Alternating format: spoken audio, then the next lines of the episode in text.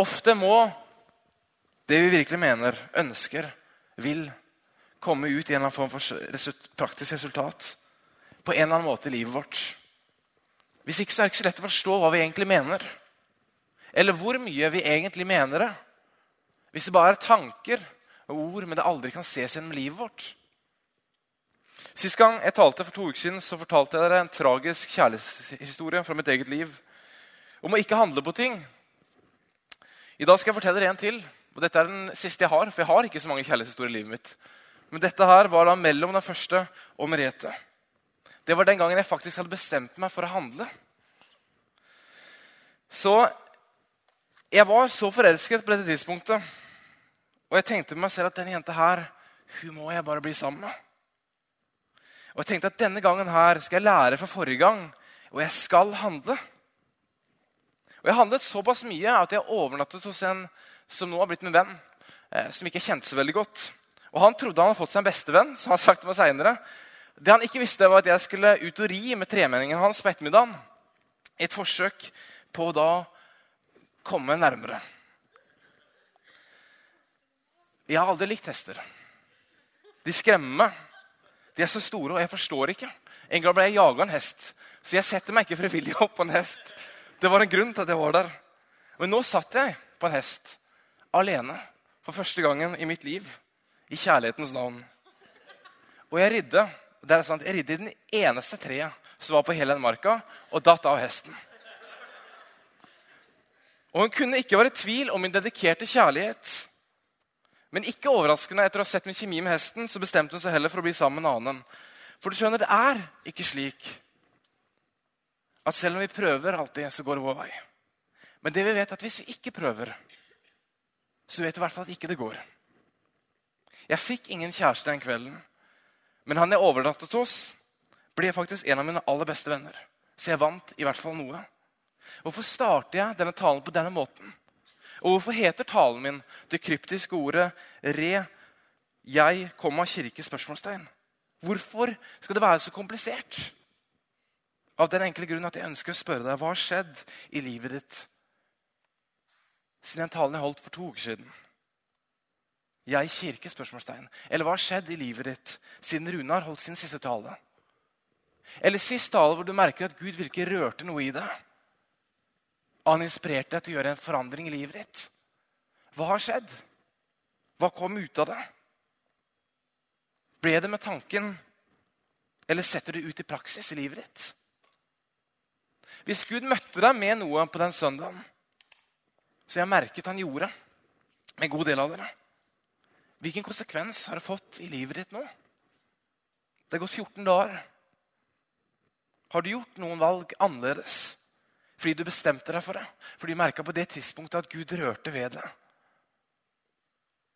Og pekte på noen av det livet som her burde snu. Eller han viste deg en som du skulle investere inn i. Ble det bare med tanken? Eller ble det overført til liv? Jeg kjenner meg selv. Jeg vet hvor lett det kan bare bli med tanker. Og Nettopp derfor satt jeg re foran tittelen på den talen. For det kan bety to ting. På e-mailspråket betyr det 'reply', altså svar. Eller det kan bety 'regarding', altså vedrørende. Så hva er ditt svar? Hva er kirke for deg?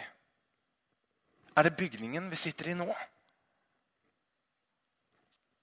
Eller er det meg og deg sammen, som er hans kropp? som hver for oss er lemmer på hans kropp, og som utgjør hva kirken er. For de av dere som var på GT for 14 dager siden, så vil dere trolig huske at jeg brukte den historien fra Posten gjerning 8 om Philip som eh, var og tjente. Eh, helbredet syke, drev ut onde ånder og forkynte evangeliet. Som er bedt av eh, Jesus selv på en måte at ånden kom til ham og fortalte at han skulle dra sørover mot Gaza. Og Så kommer da en etiopisk hoffmann på en, en vogn og eh, ånden sa at Philip hold deg nær den vogna. Og Philip gjorde det. Og etter hvert så hører han det at denne etiopiske hoffmannen han leser for. Og Etter hvert så spør Philip forstår du det du leser. Den hoffmannen svarer hvordan skal jeg forstå? Når ingen forklarer meg. Og Så spør Hoffmann tilbake hvem er det denne profeten skriver om. Er det om seg selv eller er det om en annen? Og Så griper Philip den muligheten til å begynne å forkynne evangeliet om Jesus inn i livet til en hoffmann. Og Etter hvert kommer de til et vann, og den hoffmannen spør hva skal til for at jeg kan bli døpt. Og Philip svarer hvis du tror av hele ditt hjerte, så sier Hoffmann, jeg tror at Jesus Kristus er Guds sønn. Og De går ut av den vogna, og Philip døper den. Og I utgangspunktet vil de færreste av oss tenke at denne teksten som jeg også sa sist gang, handler om kirke, men om noe helt annet. Men det er jo akkurat det kirke handler om. Noe vi lever. Noe vi lever med Jesus. Noe vi lever med andre. Ikke en bygning, ikke et navn vi knytter oss til, men et liv vi lever sammen med Kristus. Og Så tok jeg dere også med i en annen tekst, i 1. Korinterbrev 12, 12-13 og over 27. Og slik, der står det slik.: Slik kroppen er én, selv om den har mange lemmer, og alle lemmene utgjør én kropp, enda de er mange. Slik er det også med Kristus. For med én ånd ble vi alle døpt til å være én kropp. Enten vi er jødere eller grekere, slaver eller frie. Og alle fikk vi én ånd å drikke. Og i vers 27.: Dere er Kristi kropp, og hver av dere er et lem på ham. En tekst som putter en enorm tillit på hver og enkelt av oss og den betydningen vi har for Kirken, hans kropp. Og Som jeg sa på slutten av talen sist gang, var jeg i utgangspunktet svært lite fornøyd med talen min rent menneskelig. Jeg forsto ikke poenget med den. Helt til denne morgenen jeg skulle ha den. Og jeg følte på en måte at Gud ville prøve å si noe gjennom den at for enkelte mennesker så vil de merke det at den vogna går forbi nå. Med en eller annen dere kjenner, en eller annen dere vet om, som lurer på hva skal jeg med livet mitt? Hva er meningen?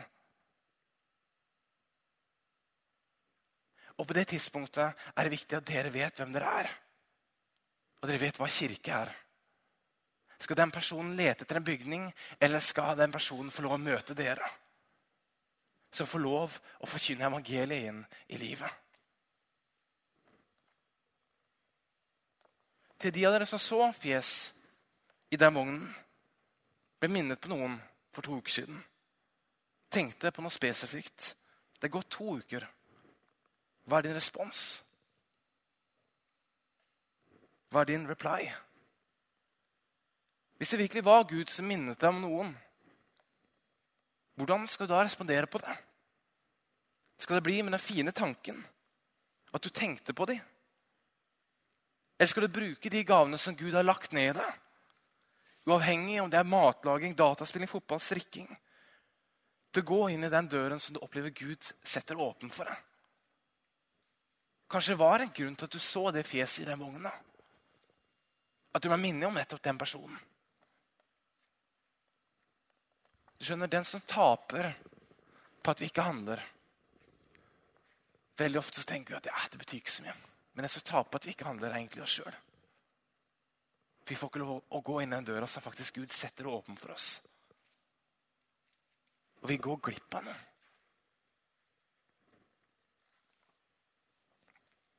De aller fleste mailene eller SMS-ene jeg får som henvendelse til meg, sender jeg svar tilbake på. Noe av det mest irriterende jeg vet, er når jeg ikke får respons på mailer og SMS jeg sender ut med spørsmål. Kanskje gang på gang og ikke får svar. Men hva gjør du de gangene du opplever at henvendelsen kommer fra Gud? Er det da riktig at det er disse gangene du hopper over å svare? Hopper over og gir respons? Og la det bare bli med en fin tanke. Ja, det burde jeg gjort. Det skal jeg gjøre. Men så ble det aldri noe med det. Jeg kjenner dette her igjen fra mitt eget liv. Jeg har sikkert gjort det mange ganger, jeg også, men jeg vet òg noen ganger hvor jeg ikke har gjort det. Og jeg ikke, angrer ikke på at jeg noen gang fulgte.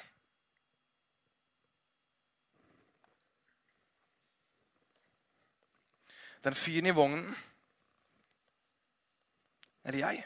Jeg bryr meg ikke om den som får meldingen fra meg med et spørsmål, bare har en fin tanke, men glemmer å svare. Jeg er ute etter et svar. Den fyren i vognen ville heller ikke bry seg særlig mye om en fin tanke for Philip. Han ville ikke forstå det engang. at det var en fin tanke der. Hvis ikke Philip handla på det, så ville han aldri ha truffet den. Han ville kanskje aldri ha forstått hvem Isaiah egentlig snakka om. Eller kanskje hadde Gud en plan lenger ute.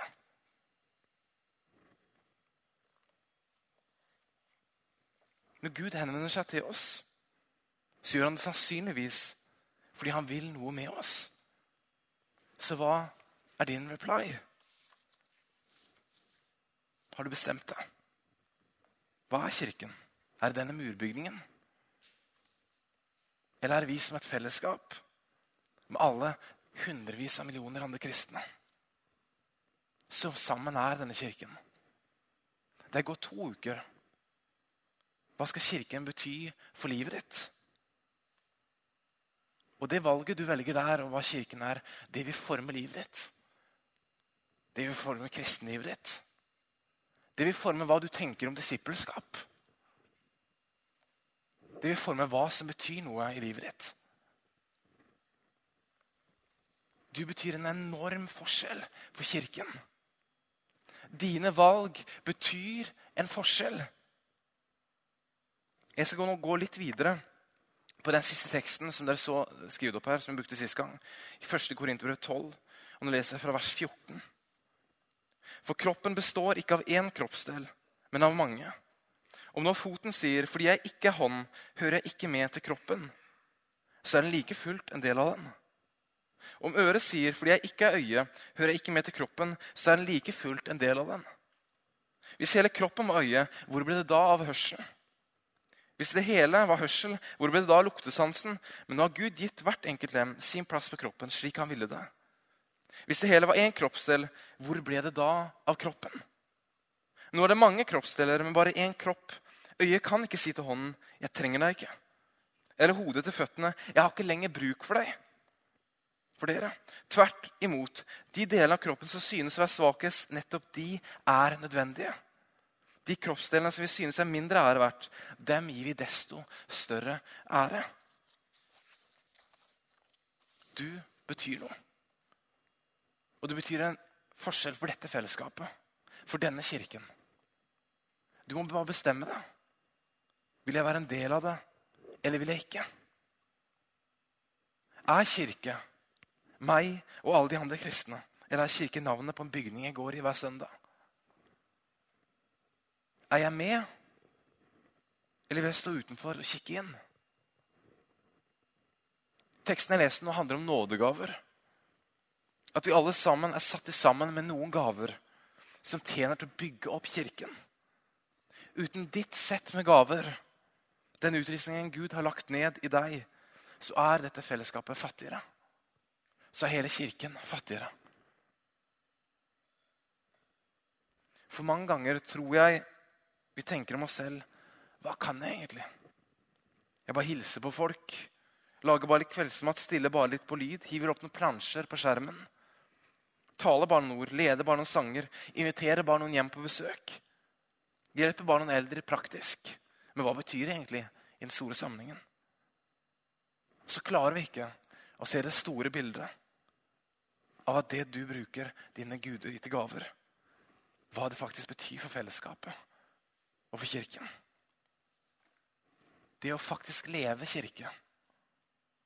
Bruke det du har blitt gitt. Prøve å lytte. Hva var det Philip gjorde? Også her er det et eksempel. Han var lydig. Han var villig til å bruke det han hadde når muligheten kom. Han var allerede i tjeneste på det tidspunktet. Og Gud ba han å holde seg nær denne vogna. Han drev ut ånder helbredet syke og forkynte evangeliet. Men han var på. Han ønsket å leve dette livet med Jesus. Han ønsket å høre hva han hadde å si. Og Han ønsket ikke å ta disse tankene når de kom opp til vurdering. Det var en fin tanke. Han handla på det. Fordi han ville leve det.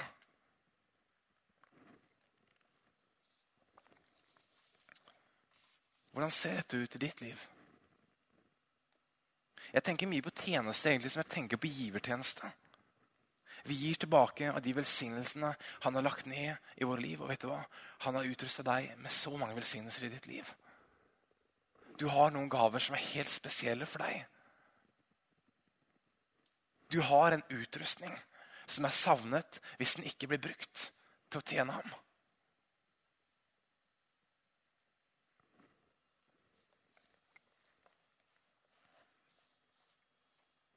Enten det skjer i gudstjenester eller på helt andre steder. Det handler egentlig om å ikke bli passifisert, men å leve kirke. Få lov å vandre med han, få lov å være kirke i hele livet mitt. Med hele livet mitt.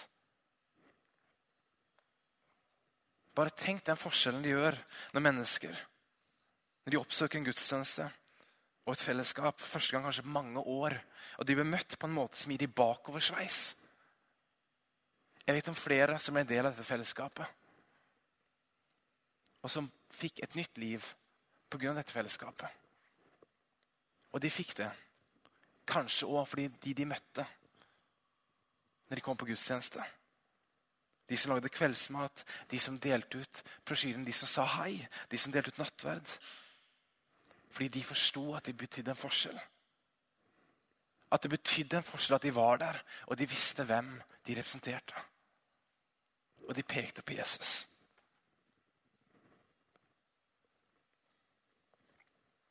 Så jeg, kirke Ja, du kirke. Det er ikke så rart. Egentlig er det det. Hvis kirken er som en kropp, så vet vi de aller fleste delene har en funksjon. Og blir en av de passive, så slår det ut på hele kroppen. Jeg vurderte egentlig om jeg skulle ta med en film fra i sommer når jeg klarte å pådra meg den yrkesskaden med å få et brudd i ankelen og bære nattverdsutstyr. Jeg skulle vise den filmen, jeg skulle prøve å komme opp trappa hjemme og legge meg. Og jeg ålte meg opp den, krappa, den trappa. Du skjønner, En bitte liten ting slår ut hele kroppen. Du betyr en forskjell. Dine gaver betyr en forskjell. Du betyr en forskjell for kirken, og du betyr en forskjell for Gud.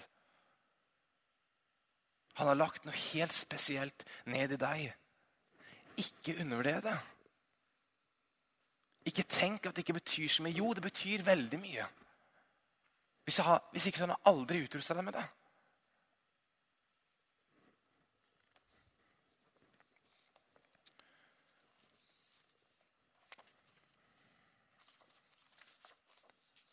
Kirke er noe vi er sammen.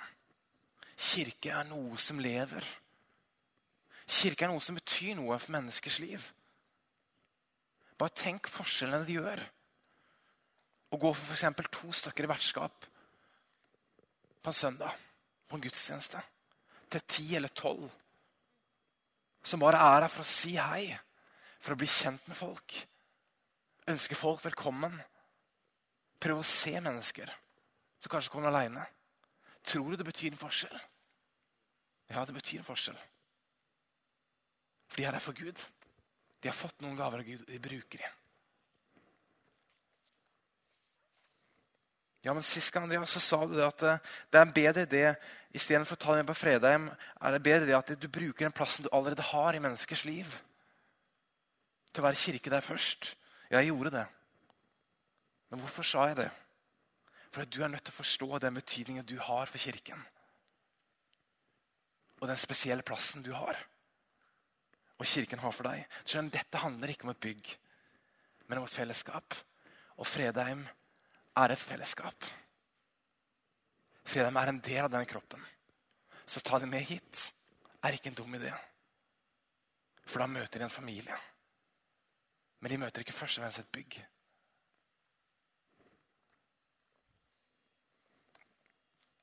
Du har blitt utrustet. Sannsynligvis så har Gud òg utfordret deg mange ganger på å ta noen valg i livet ditt. Kanskje for å snu. Kanskje ble det aldri noe mer enn fine tanker.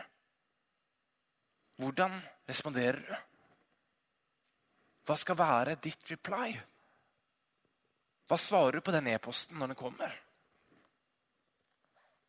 Kanskje så du noen i den vogna for to uker siden. og tenkte denne personen betyr noe for livet mitt.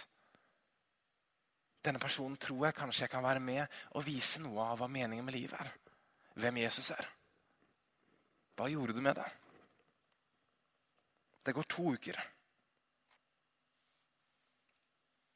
Og du tenkte kanskje Gud, jeg går på det her. Jeg skal bety noe for den.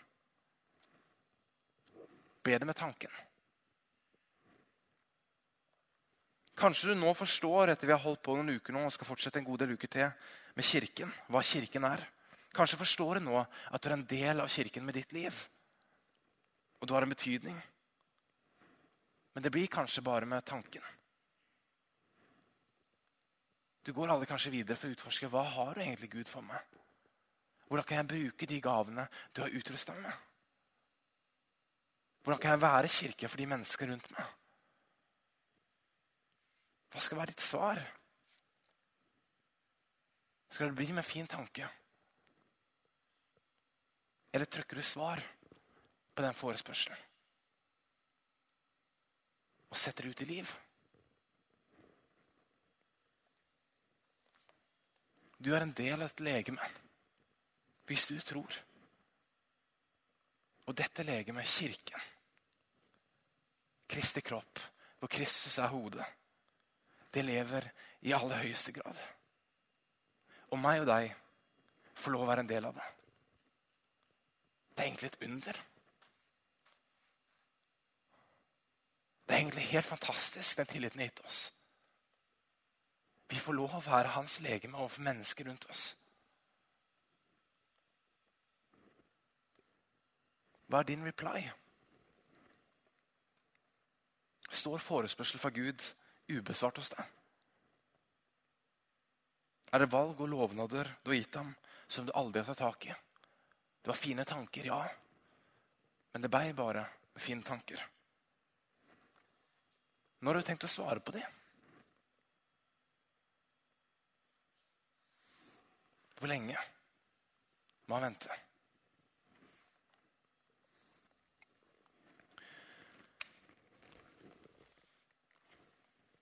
For en del av oss så